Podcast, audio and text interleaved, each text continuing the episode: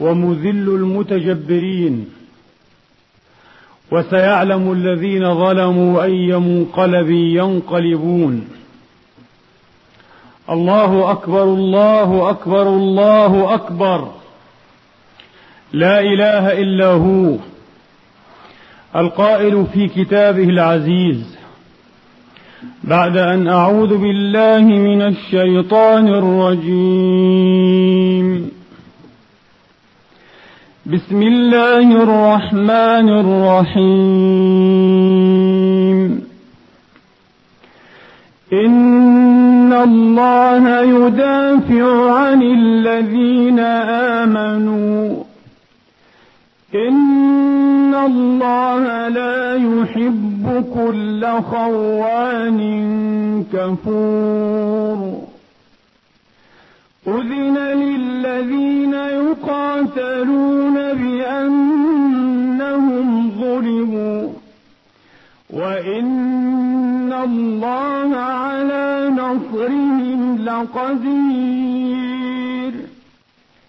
الذين أخرجوا من ديارهم بغير حق الذين أخرجوا من ديارهم بغير حق إلا أن يقولوا ربنا الله وإن الله على نصرهم لقدير الذين أخرجوا من ديارهم بغير حق إلا أن يقولوا ربنا الله. ولولا دفع الله الناس بعضهم ببعض لهدمت صوامع لهدمت صوامع وبيع وصلوات ومساجد يذكر فيها اسم الله كثيرا ولينصرن الله من ينصره. إن الله لقوي عزيز.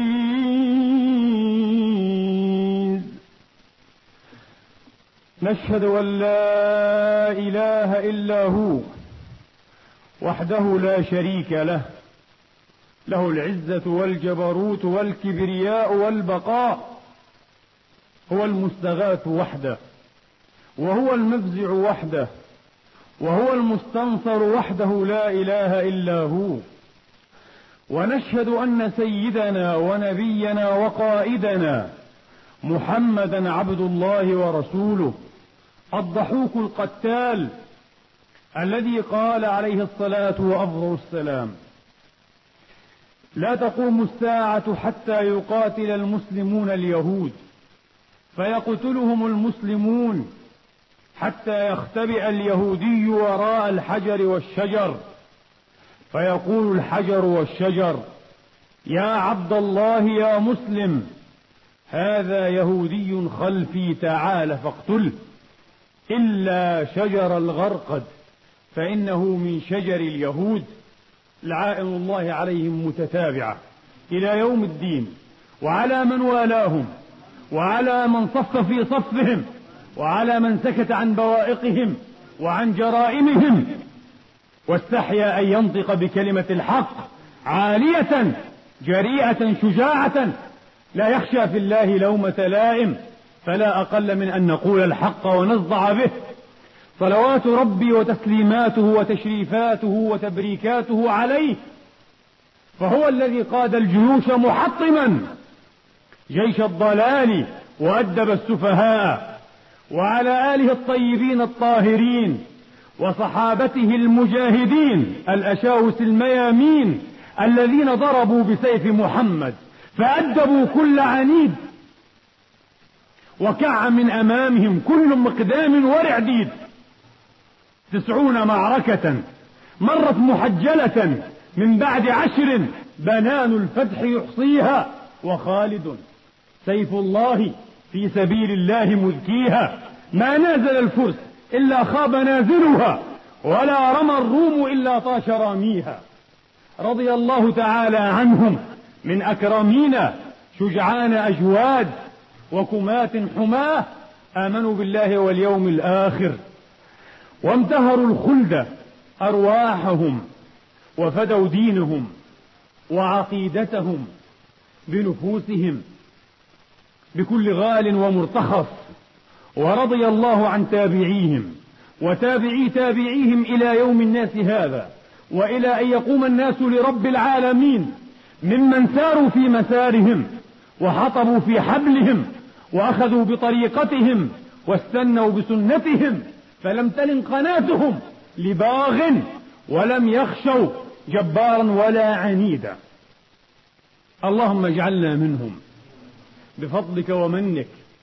أيها الإخوة الأمجاد في القدس مرة أخرى وفي أكناف بيت المقدس وفي عموم فلسطين المقدسة مرة أخرى نطق الحجر. لا مؤتمر لا مؤتمر. أنا لا أريد سوى عمر. في القدس وفي أكناف بيت المقدس وفي عموم فلسطين المقدسة سالت الدماء الزكية البريئة الشريفة أنهارا تروي ترب هذه الأرض القدس. الطهور وتجري لعنات على الطغاة والبغاة وعلى القاعدين وعلى الممالئين وعلى المستحيين في القدس وفي أكناف بيت المقدس وفي عموم فلسطين المشرفة. نبغ جيل جديد لا أقول من تحت الرماد فهؤلاء لا يحترقون. هؤلاء لا يموتون لأنهم أحفاد محمد الضاربون بسيف محمد الرافعون كتاب محمد عليه الصلاة وأفضل السلام.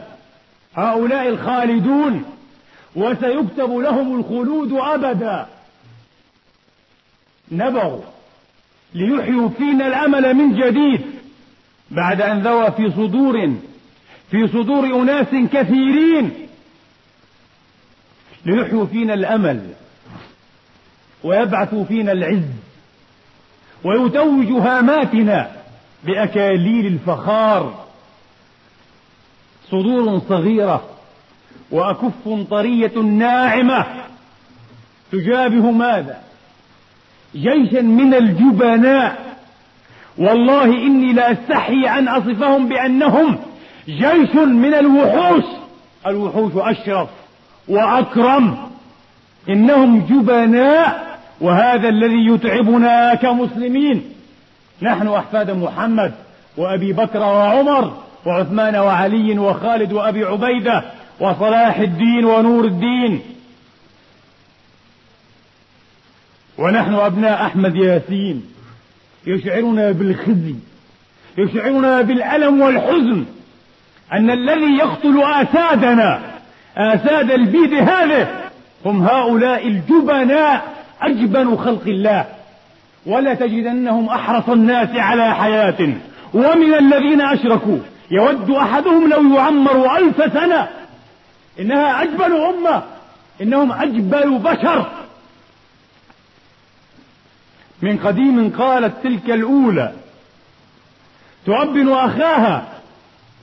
الذي قتله الإمام علي. فارس الإسلام عليه السلام.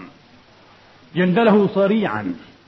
فرأت أن في قتل علي أخاها رأت شرفا لأخيها في ذلك لأن الذي قتله هو فارس الفوارس. ليس جبانا رعديدا خوارا.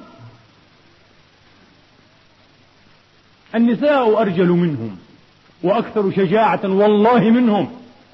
قالت لو كان قاتل عمر غير قاتله. لكنت أبكيه آخر الأبد لكن قاتله من لا يسب به من كان يدعى أبوه بيضة البلد. حين يقتلني عزيز فارس مثلي يكون قرنا وخصما لي. قد يكون في هذا شرف لي. حين يقتلني جبان وأنا المقيد المقيد الأيدي والأرجل إن آسادنا مقيدة. إنها مقيدة لم يتح. ولم يتح بعد لها. أن تخوض معركتها. وأن تدافع عن قضيتها. حاملة. كتاب الله سبحانه وتعالى. حاملة أرواحها على أكفها. وفي يدها. مثل ما في يد أخصامها من السلاح. ومن ورائها. مثل من وراء أخصامها من الحريصين على استبقائهم والحريصين على نصرهم. عار عار على أمة العرب. وسأعتذر عن كثير من معنى هذه الجملة فيما بعد.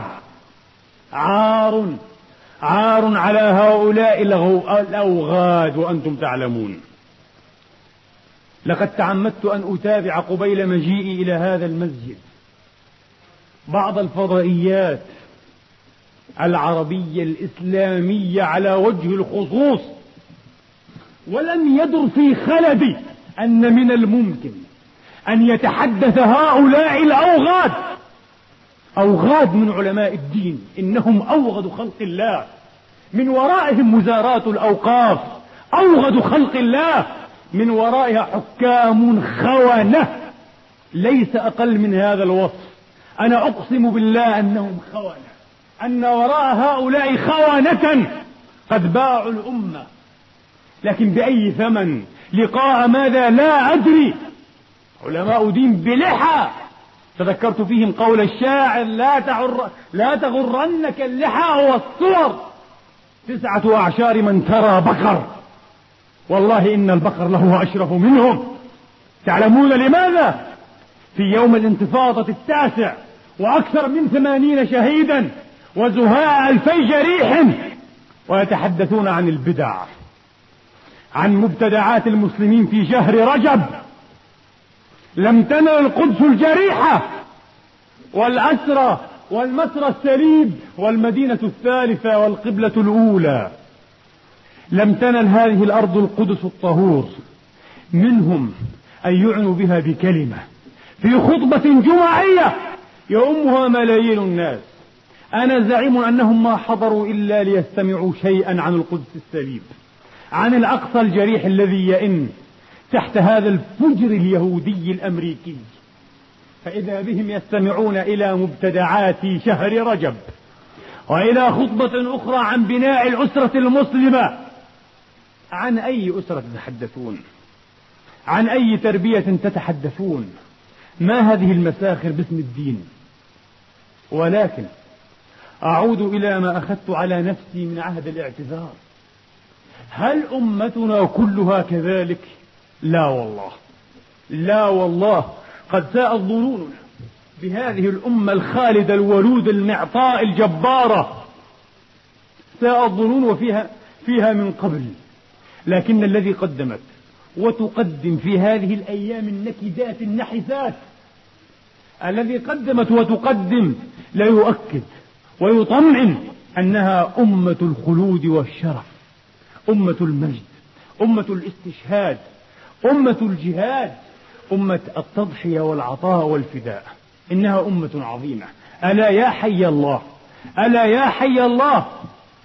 هذه السواعد الشجاعة وهذه الوجوه المشرقة بأنوار الشهادة المتلألئة بشوق الجهاد في مصر كنانة الإسلام. ألا يا حياك الله يا مصر يا أعظم بلاد الإسلام. ألا يا حي الله هذا الشعب الكريم هذا الشعب الأبي هذا الشعب الجبار الذي أخاف يهود ومن وراء يهود فالتفوا عليه غير مرة إلا أنه شعب يدك جدار المستحيل. شعب يتأبى على كل محاولات التذويب والمسخ والتشويه. إنها مصر كنانة الإسلام. قد رأيتم الشباب والشابات رأيتم الكبار والصغار. رأيتم حتى أصوات الذين كانوا يخبون ويضعون في معركة العلمنة والتغريب. كلهم انتفضوا. انتفاضة رجل واحد لأجل الأقصى. لأجل فلسطين المغتصبة السليبة. ويا حي الله شعب الإيمان والحكمة. فالحكمة يمانية والإيمان يمان شعب اليمن الذي بادر في الأيام الأولى. فأرانا آيات حملتنا على الإعجاب والإكبار والإجلال وطمأنتنا وترجمت ما كتبته صحف طهران الإسلامية. ويا حي الله هذا الشعب الفارسي المسلم العظيم. وآخرين من من ورائهم لما يلحقوا بهم. قالوا من يا رسول الله؟ قال هذا وقومه. في صحيح البخاري سلمان الفارسي وقومه. إن الله يبشر بهم. يا حي الله إيران. قادة وشعبا. حكاما ومحكومين. خرجت اليمن بحكمتها وإيمانها كله. بفدائها وجهادها كله. لتترجم ما طرزت به.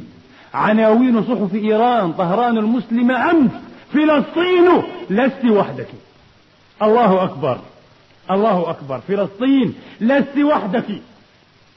والسودان والإمارات والأردن وسوريا الشام واليوم قطر وموريتانيا وباكستان اليوم وغيرها وغيرها وغيرها كثير.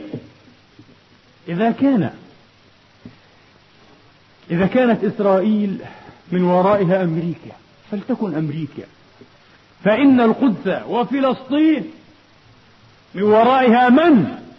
من ورائها أمة الإسلام.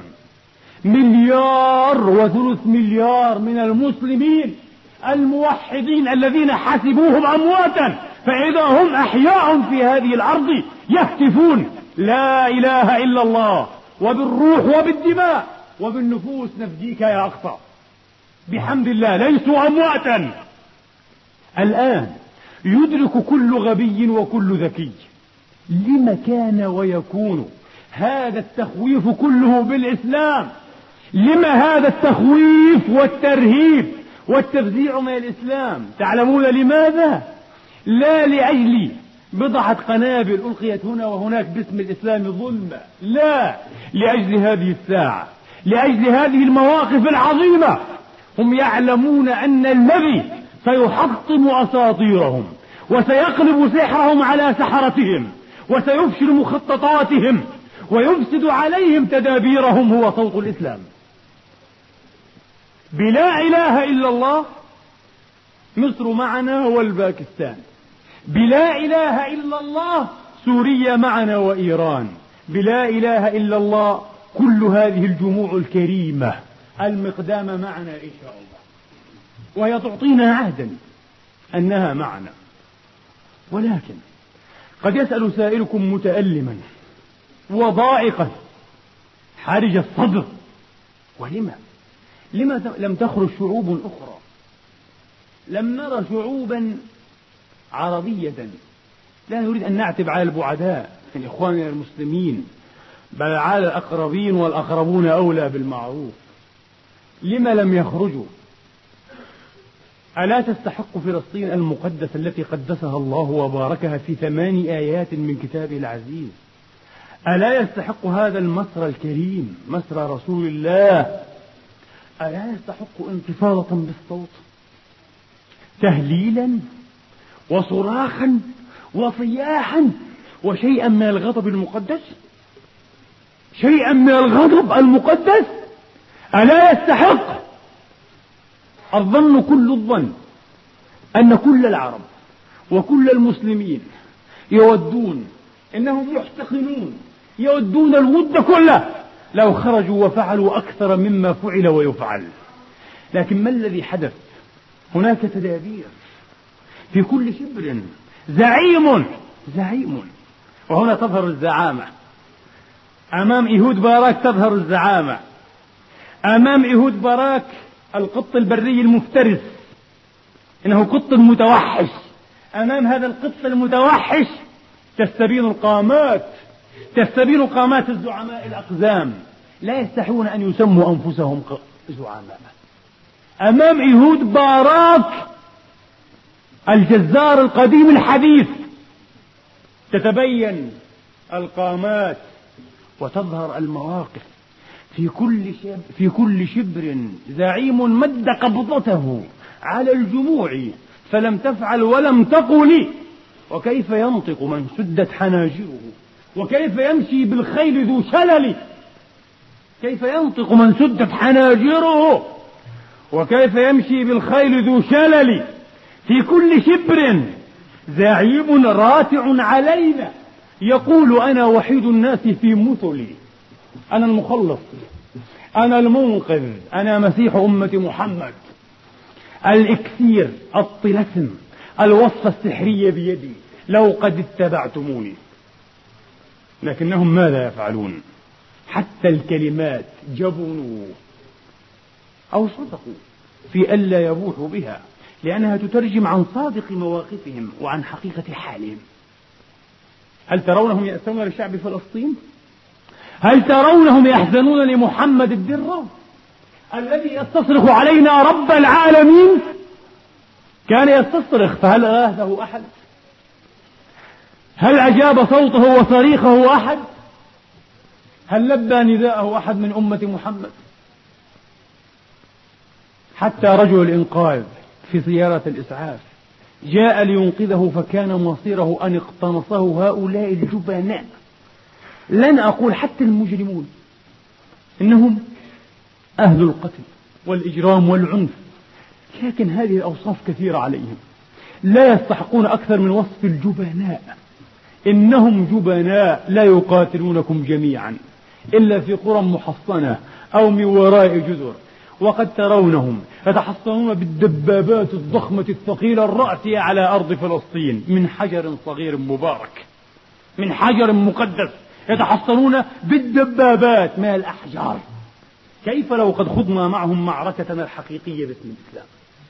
كيف لو أطلقت هذه الآساد من أغلالها ومن قيودها؟ ماذا يخشى علينا هؤلاء الحكام والزعماء؟ أن نموت؟ والله الذي لا إله إلا هو إن الموت له أشرف لنا. والله الذي لا إله إلا هو إن الموت له أريح لنفوسنا. يا ربنا يا ربنا قد ضاقت علينا أنفسنا وضاقت علينا الأرض بما رحبت. فاكتب لنا مخرجا نجاهد في سبيلك. على هذه الأرض الطهور المقدسة وتنسفك عليها دماؤنا. هذه سعادتنا وهذه حياتنا. نحن لا نعرف الحياة إلا بمعنى الموت. نحن هكذا علمنا القرآن وهكذا علمنا محمد. وهكذا سنظل نتنادى وسنظل نتواصى. ما دام على وجه الأرض مسجد منبر منارة تعلن بالتوحيد وتقول لا إله إلا الله. في كل شبر زعيم راتع علينا. يقول أنا وحيد الناس في مثلي تمشي الهزيمة. تمشي الهزيمة مشيا فوق منكبه لكنه في احتفال النصر في شغلي. إنه يحتفل بالأمجاد يحتفل بالنصر والهزيمة تمشي على منكبه مشيا. ويفهموننا أنهم منتصرون وأنهم زعماء وأنهم قادة. فلسطين لا تستحق أن ينعقد مؤتمر قمة. طبعا نحن لا نأسف على مؤتمر قمة لأنه لو انعقد فلن يجدي فلسطين شيئا. إنه سيبرد العواطف. إنه سيسكب التراب على الدماء. على الدماء الزكية. سيسكب عليها التراب. يخشى من توهجها. يخشى من توهجها أن يستحيل إلى ثورة. تدك العشور العروش وتثلها. وتبطل طلسم الغرور والجبروت والقمع والخوف الذي شل كثيرا من أمتنا. شل الكثيرين من أمتنا. فلا نعتب كثيرا. لا نطول في العتاب على الذين لم يخرجوا ولم يصيحوا ولم يهتفوا ضد إسرائيل وضد أمريكا لأنهم يريدون لكن الرعب جرعات الرعب المتوالية شلت قدرتهم. إنهم مسلولون المساكين. ندعو الله تبارك وتعالى أن يغير الأحوال وأن يبدلهم خيرا من هؤلاء الأوغاد خيرا من هؤلاء الأقزام. وصدقت يا رسول الله. صدقت يا رسول الله حين علمت وأشرت وذكرت أن من علائم الساعة وأشراطها أن يصير أرذل الناس أميرهم. وكأن الزمان صار هواه محمولا مع الأخس الأخس الأرذل هو الزعيم. كلما كان أرذل أكثر كلما وصل. لا يصل إلا الأرذلون. وصدق عليه الصلاة وأفضل السلام حين قال. صدق عليه الصلاة وأفضل السلام حين قال أيضا ذاكرا من أشراطها وعلائمها. نطق الرويبضة. المنابر في التلفاز في الرائي في الفضائيات في الإذاعة المسموعة على متون الصحف أو بعضها على الأقل الحكومية. كلها تنطق باسم من؟ باسم الأوحد. باسم الإله الصغير باسم الفرعون الحقير الرويبضة. قالوا وما الرويبضة يا رسول الله؟ من هذا الرويبضة؟ ما معنى الرويبضة الذي ينطق في أمة محمد؟ قال الرجل التافه يتكلم في أمور العامة. قضية فلسطين أيها الإخوة الأمجاد هل هي قضية أوروبا؟ لنكن صرحاء كلا. هل هي قضية أمريكا؟ كلا. هي قضية الذين اصطلوا بنيرانها. صدقوني صدقوني أن هؤلاء لا يملكون لنا إذا أرادوا أن يفعلوا شيئا لنا. أكثر من الكلام. كم قرارا صدر بحق إسرائيل؟ ما هي القرارات التي نفذت منها؟ ماذا فعل الغرب والشرق أوروبا وأمريكا لتنفيذ هذه القرارات المشروعة؟ باسم الأمم المتحدة ومجلس الأمن. لا شيء. لكن لماذا اجتمعوا سريعا؟ وتألبوا واحتشدوا وسارع الأوغاد من العرب في الصفوف الأولى في خط النار ليقتلوا إخوانهم في العراق. نحن لا نبرر العراق فعلته. وليس هذا موضع نقاش هذه المسألة الشائكة. ولكن هذه العلائق وهذه الذيول وهذه الملاحق لماذا سارعوا لماذا؟ وأطاعوا من؟ وبأمر من؟ تعلمون الجواب. تعلمون الجواب. الحمد لله. الحمد لله أنهم أخسوا وأذلوا وأحقروا عند الله من أن يشرفهم الله بكلمة يقولوها في سبيل فلسطين. لا إنهم لا يستحقون هذا الشرف. نحن أيضا. من كان له شرف عند الله سينال الشهادة يوما إن شاء الله. وأسأل الله أن يكون ذلك على تراب فلسطين الطهور على تراب بيت المقدس. بيت المقدس الذي قال فيه الصادق المصدق من مات فيه فكأنما مات في السماء.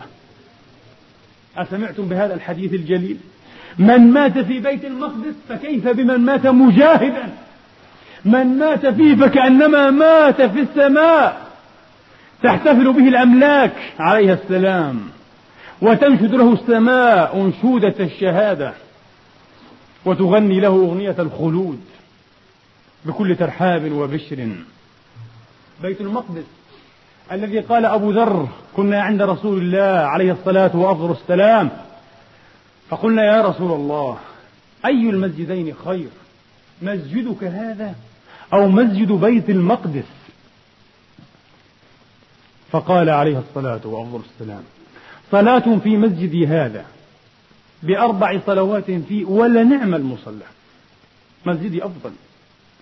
وكل صلاة في مسجدي بأربع صلوات. ولنعم بيت المقدس المصلى ولنعم المصلى. ولا يأتين على أمتي يوم. يكون موضع فرش أحدكم من حيث يرى منه بيت المقدس خير له من الدنيا وما فيها. أسمعتم إلى الصادق؟ أسمعتم إلى النبي الذي يأتيه الغيب من سجف الغيب؟ هذا هو اليوم. كم تتمنون وأعلم أنكم صادقون؟ ومثلكم بحمد الله ملايين وملايين. كم نتمنى أن نكون قريبين وأن نكون مسلحين ولو بالحجر. وأن نخوض هذه المعركة من حيث نرى بيت المقدس والمسجد الأقصى. فهذا الموقع وهذا الموضع. خير لأحدنا من الدنيا وما فيها. ميمونة بنت سعد مولاته عليه الصلاة وأفضل السلام. يا رسول الله تقول أفتنا في بيت المقدس. قال أرض المحشر والمنشر. أرض المحشر والمنشر. فمن استشهد فيه. ومن سال دمه على ثرائه. لا يعاني النار التي تسوقه إلى الحشر. ولا تهوله أفزاع كثيرة. إنه يحشر في المكان الذي مات فيه. أرض المحشر والمنشر. لا تشد الرحال إلا إلى ثلاثة مساجد وهذا منها. فهو القبلة الأولى هو مصر النبي. من أهل بحج أو عمرة من المسجد الأقصى. من ابتدأ حجته أو عمرته من المسجد الأقصى.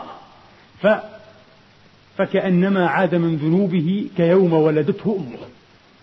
لماذا؟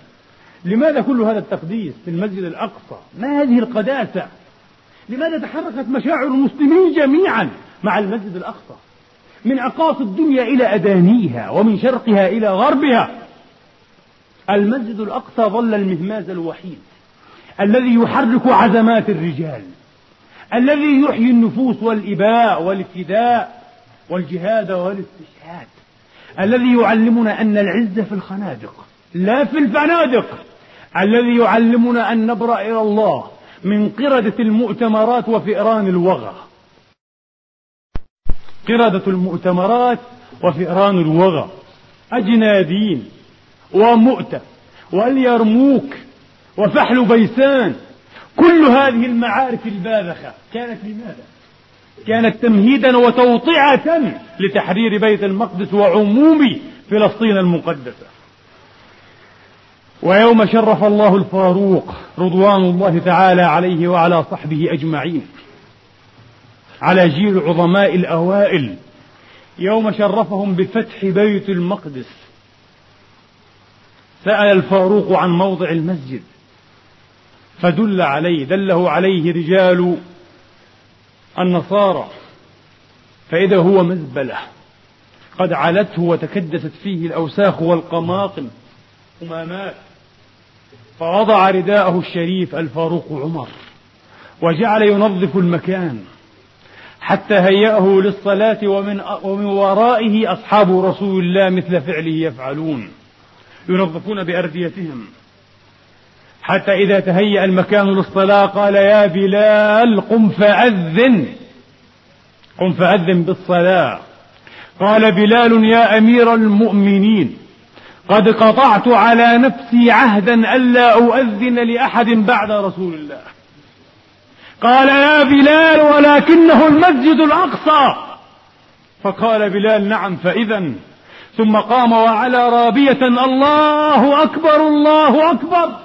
فإذا بأصحاب محمد يخرون سجدا ينسجون بالبكاء يذكرون رسول الله وجهادهم المبارك معه. كيف ضيعنا المسجد الأقصى؟ كيف ضيعنا هذا الجهاد هذا المسلسل الحافل بالجهاد المبارك بالجهاد العزيز الأبي؟ كيف ضيعناه وبما ضيعناه؟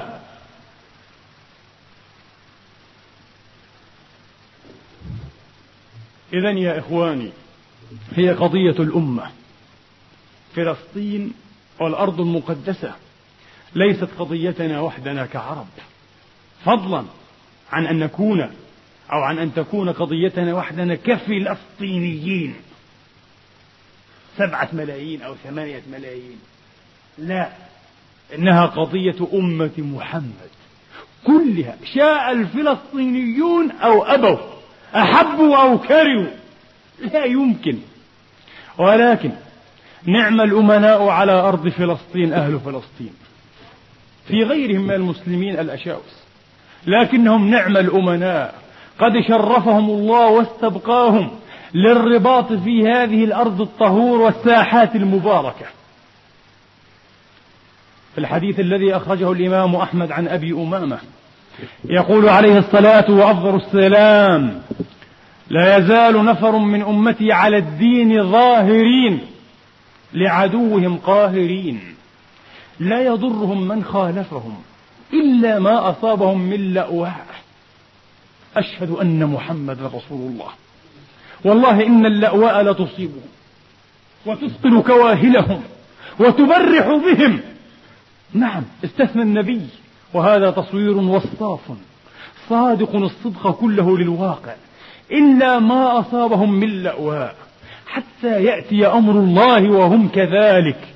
قالوا أين هم يا رسول الله؟ قال ببيت المقدس وأكناف بيت المقدس.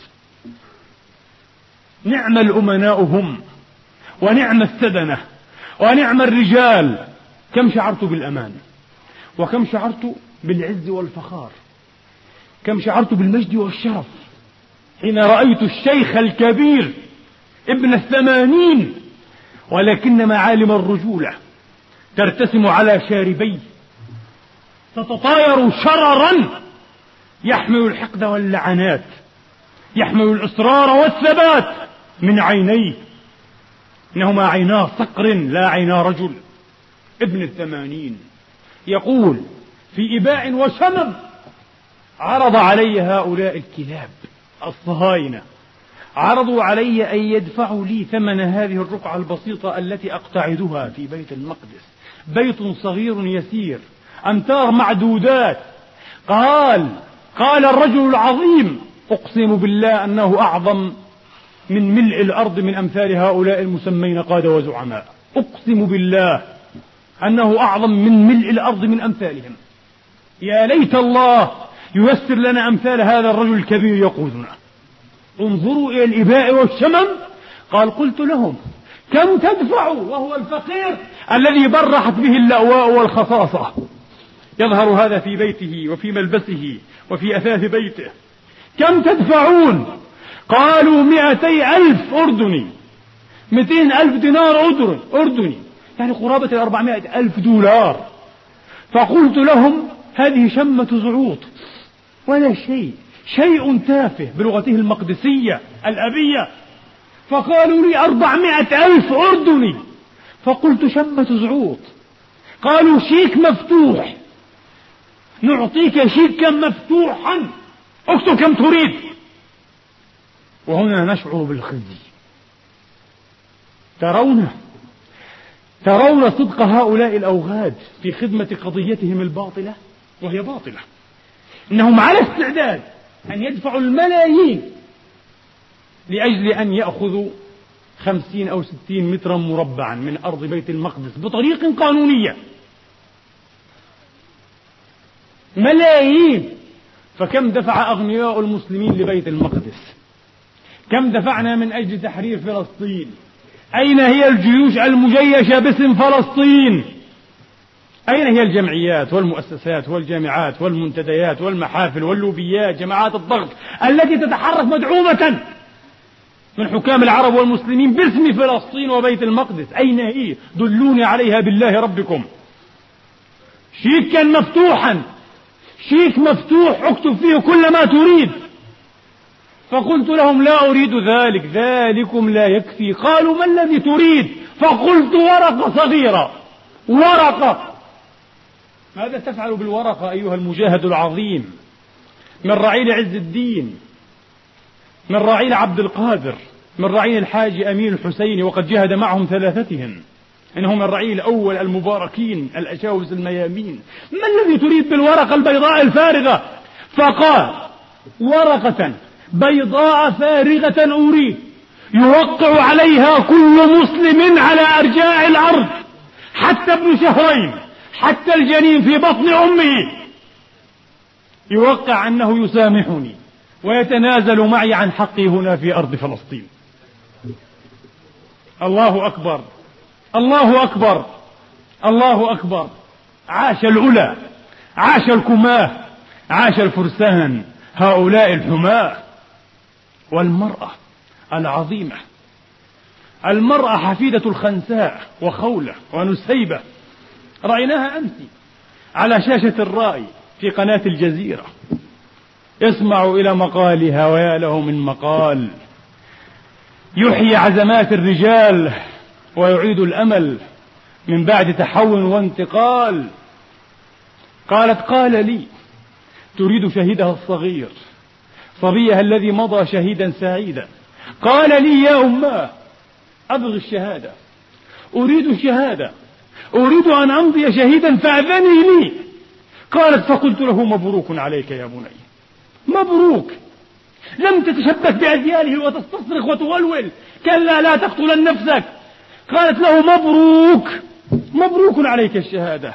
فانطلق الطفل الرجل. انطلق الطفل العملاق. انطلق وحقق الله له ما أراد لأنه كان صادقا. تقول أخته وعرفنا أنه لن يعود.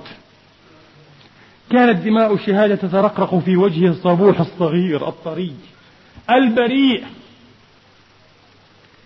إن جماعة باراك وشارون أحفاد ديان وأحفاد بيجن وأحفاد بن غوريون والأحفاد المتأخرون لهرزل وأمثاله يقتنصون الضحايا الأبرياء يقتنصون هذه الزهرات اليافعة.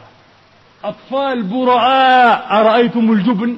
إن هذا والله الذي لا إله إلا هو ليطمئنني. والله الذي لا إله إلا هو ليطمئنني أنا وكل هذا الحماس وبكل هذا الزعيق لو خضت غدا معركة ضد إسرائيل لن أقمص طفلا ولن أقمص امرأة ولن أقتل شيخا كبيرا لا يقاتل. لن أقتل هؤلاء. لأنني أحتقر نفسي كرجل إن قنصت هؤلاء. أنا أقاتل من هو خصم وقرن لي. الذي يظن نفسه رجلا قادرا على أن يلقاني في ساح الوغى هذا الذي يقتل. لكن لا أقتل الطفل ولا أقتل المرأة ولا أقتل شيخا كبيرا. هكذا أوصانا محمد وأوصانا أبو بكر وأوصانا عمر وعثمان وعلي وخالد وشرحبيل ابن حسنة وصلاح الدين. كلهم كان هذا مسلكهم مسلك الشرفاء الأماجد. إنهم يقنصون هؤلاء الصبا بدم بارد. بلا رحمة ويحسبون أنفسهم جنودا ويحسبون أنفسهم رجالا. لدي شريط فيديو ومن أراد ربما أعرته إياه. ما الانتفاضة المباركة الأولى من ثورة المساجد الأولى؟ ضابط في جماعته. شاهد أحد إخوانه من يهود متجندعا على الأرض برصاصة في رأسه. لقد بال على نفسه والشريط لدي. فقط! لم يهدد هو بالرصاص. رأى أخاه وقد قتل. رآه مقتولا لم يره وهو يقتل. بال على نفسه والشريط لدي يا إخوان. بال على نفسه. ثم جعل يطلق الرصاص عشوائيا. وإذا بالمدفع الرشاش ثقل عليه فسقط من يده. ترتعد فرائصه. أنخشى هؤلاء؟ أهؤلاء قاتلوا مسلمين في يوم من الأيام؟ قاتلونا ساعة من نهار. في أكتوبر رمضان المجيد فرأيتم ما فعل الله بهم. لأننا فقط رفعنا راية الله أكبر وكنا صائمين. واستعصمنا بالله واستوثقنا بعروة الله. فرأيتم ما فعل الله لنا وما فعل الله بهم. هذه هي القضية. أيها الإخوة المسلمون وأيها الإخوة العرب يا أبناء الجزيرة العربية يا أبناء مصر الكنانة يا أبناء الشام يا أبناء العراق يا أبناء كل بقعة.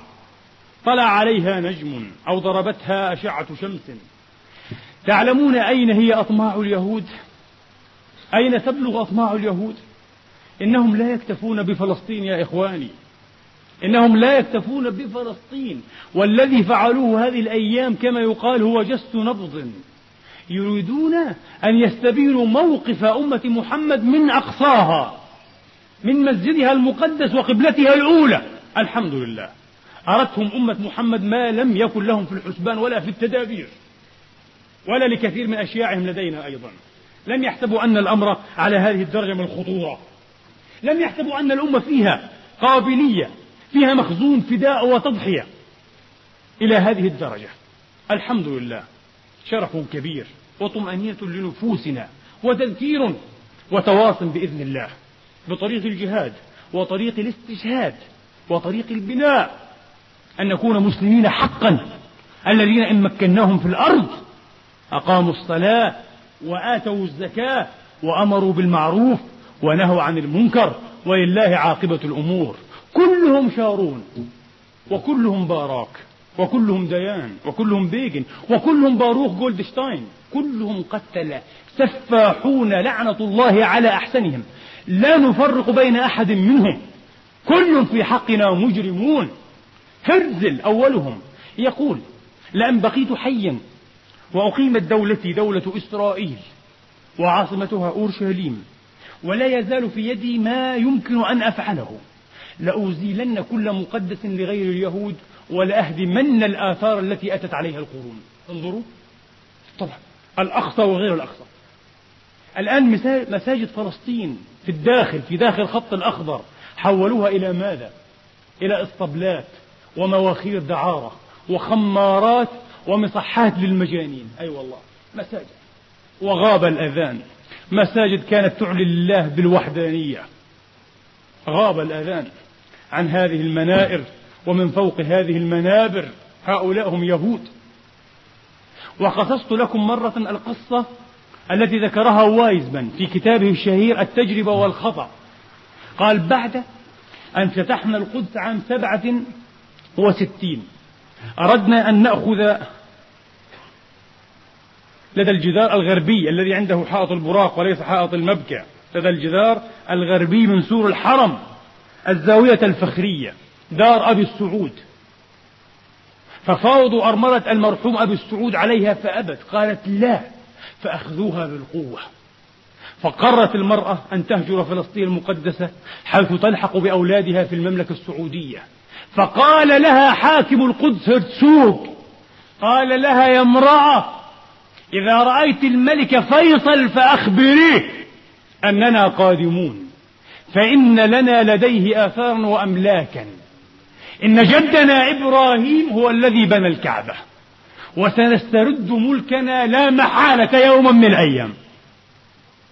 هذا من ذكره؟ وايزمن في التجربة والخطأ. إنهم أيضا يطمعون في الكعبة المشرفة أيها المسلمون. يا بلهاء الحاكمين إنهم يطمعون في الأرض المقدسة كلها ليس في فلسطين وحدها. الجزار الجبان شارون هذا.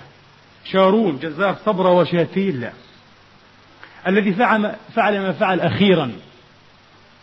يريد أن يدنس هذا الرحاب الطهور في المسجد الأقصى. وقد رأيتم. هذا الرجل يسمى في إسرائيل ملك اليهود. أتعلمون؟ يلقبونه ملك إسرائيل. لأنه أكثر إجراما وأكثر عتوا وأشد بغيا. وصلفا وغباوة وغرورا. ملك إسرائيل. سئل ملك إسرائيل هذا ذات مرة بعد غزو لبنان عن المجال الحيوي لإسرائيل عن مجال نفوذ إسرائيل. فماذا قال شارون؟ وأنتم تعلمون أن شارون هو قائد قائد قائد الذي ذبح العشرات والمئين من أساران المصريين. المظلومين في حرب السبع وستين ذبحوهم عن آخرهم. ولما سئل الجزار قال أنا لا أدري أعدادهم. كانوا كثيرا بالعشرات بالمئات.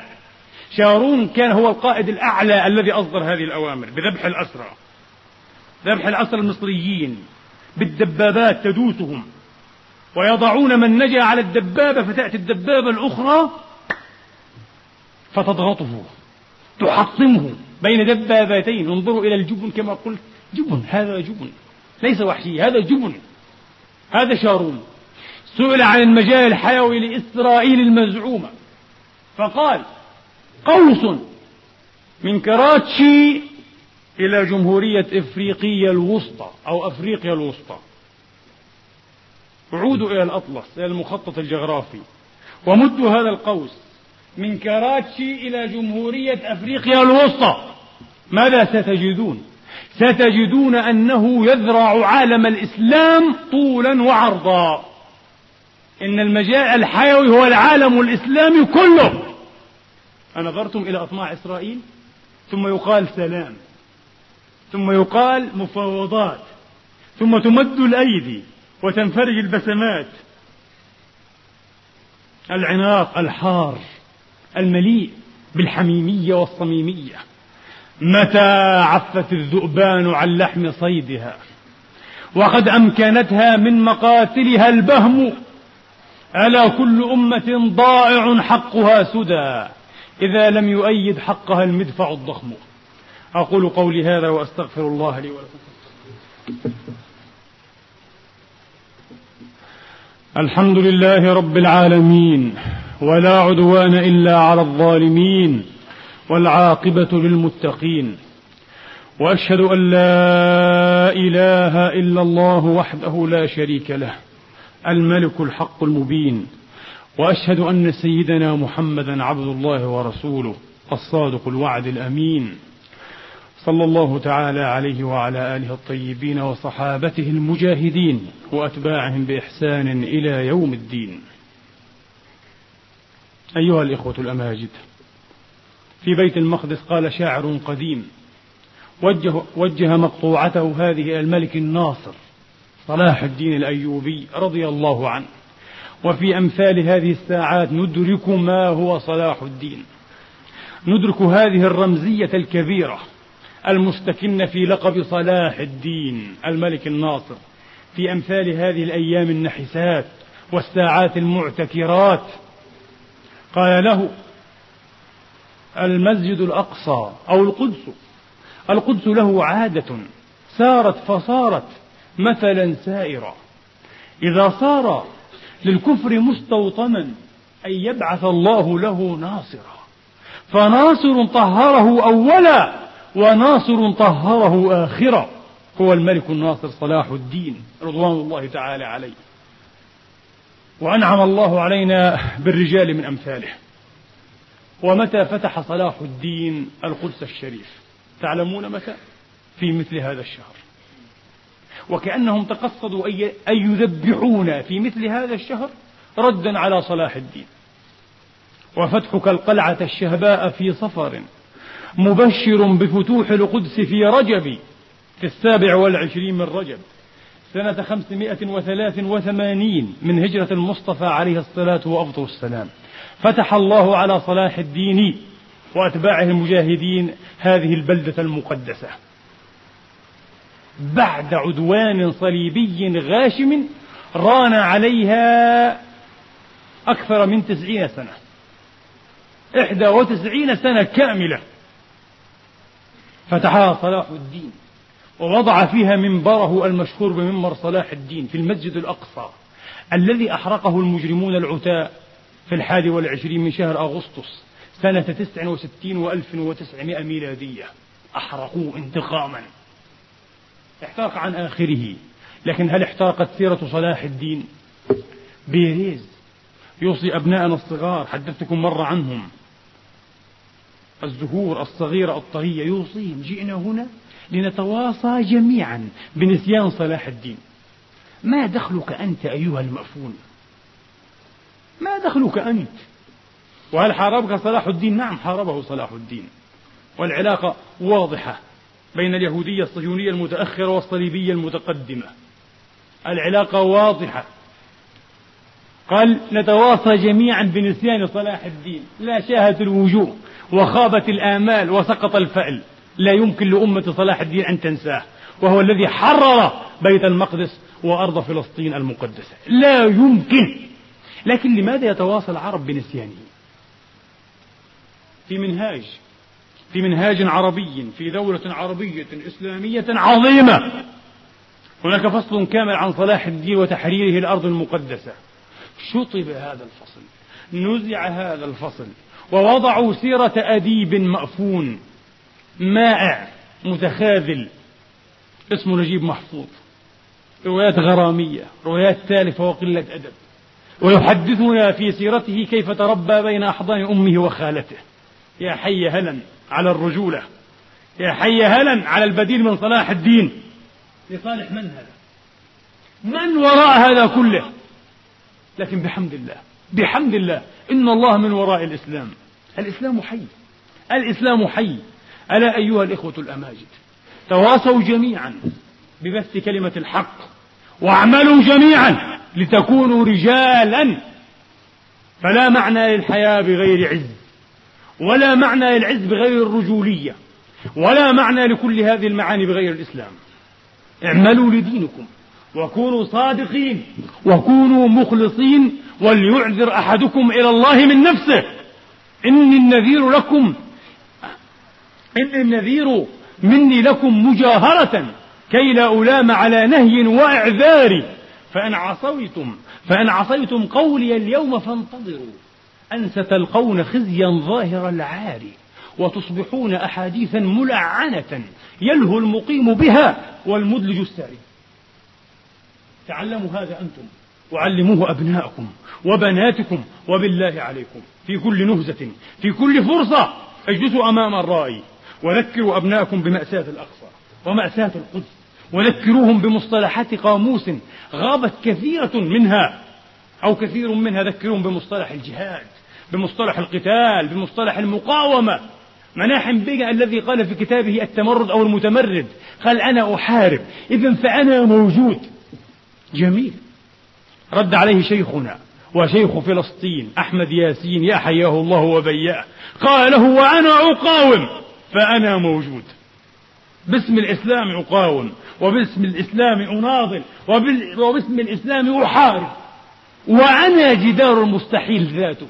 أنا الرقم الصعب نفسه إذا سمعتم به. لأنني فوق كل رغبة وفوق كل رهبة. فوق المناصب. فوق الوجاهات. فوق الأسماء. فوق الأموال. فوق الجنس والشهوات. فوق الخوف من الموت. فوق كل شيء. هذا هو جدار المستحيل. هذا هو الرقم الصعب. لا يمكن أن يلين. إنه معجزة الانتفاضة وشيخها في نفس الوقت. معجزة الأرض المقدسة. أنا أقاوم. إذا فأنا موجود. وسأظل أقاوم. والجميع يعلم. والجميع يعلم هذه الحقيقة. إذا قلت سابقا الآن درى الغبي والذكي لما هذا الترهيب والتخويف كله من الإسلام؟ لأجل هذه الحقائق كلها ولأجل غيرها إن شاء الله تعالى. وقد يقول قائل وهل يمكن أن يكتب لنا النصر؟ ونحن قلة ونحن ذلة ونحن ضعفاء لا نساميهم فضلا عن أن نساويهم في عدة أو عتاد في سلاح أو مال أو تدبير أو تخطيط. إن أنموذج إخواننا الأشاوس الأكارم الذين رفعوا رؤوسنا حقا في الجنوب اللبناني من حزب الله الأبطال. إنه نموذج ما زال منتصبا شامخا أمامنا. لقد أرغموهم على أن يفروا كالجرذان من أمام القطط. فروا كلب بل من أمام الأسود أستغفر الله اللهم غفرا. كالفئران من أمام الأسود والنمور والفهود. فروا. لما لا نفعلها نحن في أرض فلسطين؟ لما لا تفعلها أمة العرب؟ لما لا تفعلها أمة محمد؟ أمة الإسلام وهي قادرة وهي متحرقة وتريد أن تفعلها. وبعد ذلك لا يهمنا في قليل أو كثير أن يقال إرهابيون. نحن ينبغي علينا بأمر الله أن نرهب من أرهبنا. ترهبون به عدو الله. نحن لا نرهب الأبرياء. وقلته هنا حتى من هؤلاء أحفاد القردة والخنازير. لا يحق لنا أن نقتل طفلا أو امرأة لا تحارب أو شيخا عجوزا عاجزا. نقاتل هؤلاء الجبناء الذين يحملون علينا السلاح. وبالسلاح استباحونا وبالسلاح استبونا وبالسلاح أرادوا أن نستكين فلم نستكن بحمد الله. فلم نستكن بحمد الله تبارك وتعالى. هذه هي القضية إذا يا إخواني. هذه هي القضية وهذه هي أبعادها. ولن يهمنا كما قلت أن يقال إرهابيون وأصوليون ومتطرفون. إلى آخر هذه القائمة الممجوجة المملولة من التهم. هذه تهم شرف. تشرفنا إن شاء الله. إن كنا كذلك لأجل فلسطين. إن كنا كذلك لأجل الإسلام العظيم. لأجل بيت المقدس. تشرفنا. الشيخ القرضاوي. شيخ الأقصى. أكثر صوت. أكثر صوت لا زال يصدح ويصدع بالأقصى والقدس. وكم تكلم. وكم بدأ. وكم أعاد. بارك الله فيه. ومد الله في فسحته. هذا الشيخ تسمعونه كل أسبوع. وقرأتم له ربما عشرات الكتب. هل هذا متطرف؟ هل هذا متشدد إن بعض الإسلاميين يسبونه إن لم يلعنونه لأنه متساهل جدا ميسر جدا جدا. إنسان متسامح مع الآخر لكنه ليس متسامحا مع من يقتلنا ويذبحنا ويستبيحنا ويطردنا من أرضنا ومقدساتنا. لا ليس متسامحا. أخيرا حكمت عليه أمريكا شرطي العالم. أسمعتم هذا؟ اليوم أنا سمعته منه. اليوم حكمت عليه بأنه إرهابي وأدرجت الشيخ العلامة يوسف القرضاوي صاحب صوت فلسطين وقضية فلسطين في قائمة الإرهابيين. وحرم عليه أن يدخل الولايات المتحدة الأمريكية إلى الجحيم.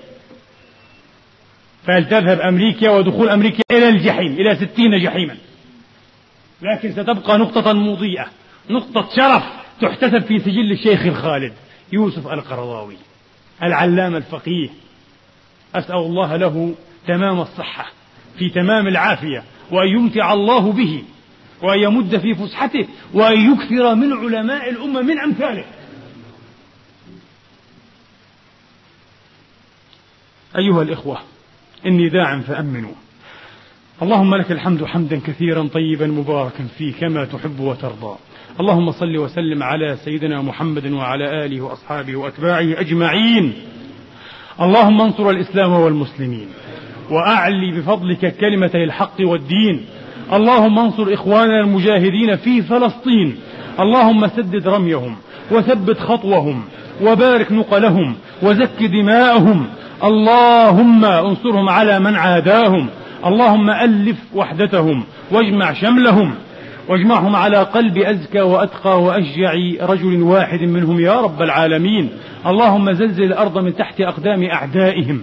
اللهم وأدر عليهم دائرة السوء وأرنا فيهم عجائب قدرتك. يهود فإنهم قد بغوا وعتوا يا رب العالمين. وإنهم لا يعجزونك. اللهم صب لعناتك وصب ويلك وأرنا آيات غضبك وانتقامك وجبروتك في هؤلاء البغاة الظالمين.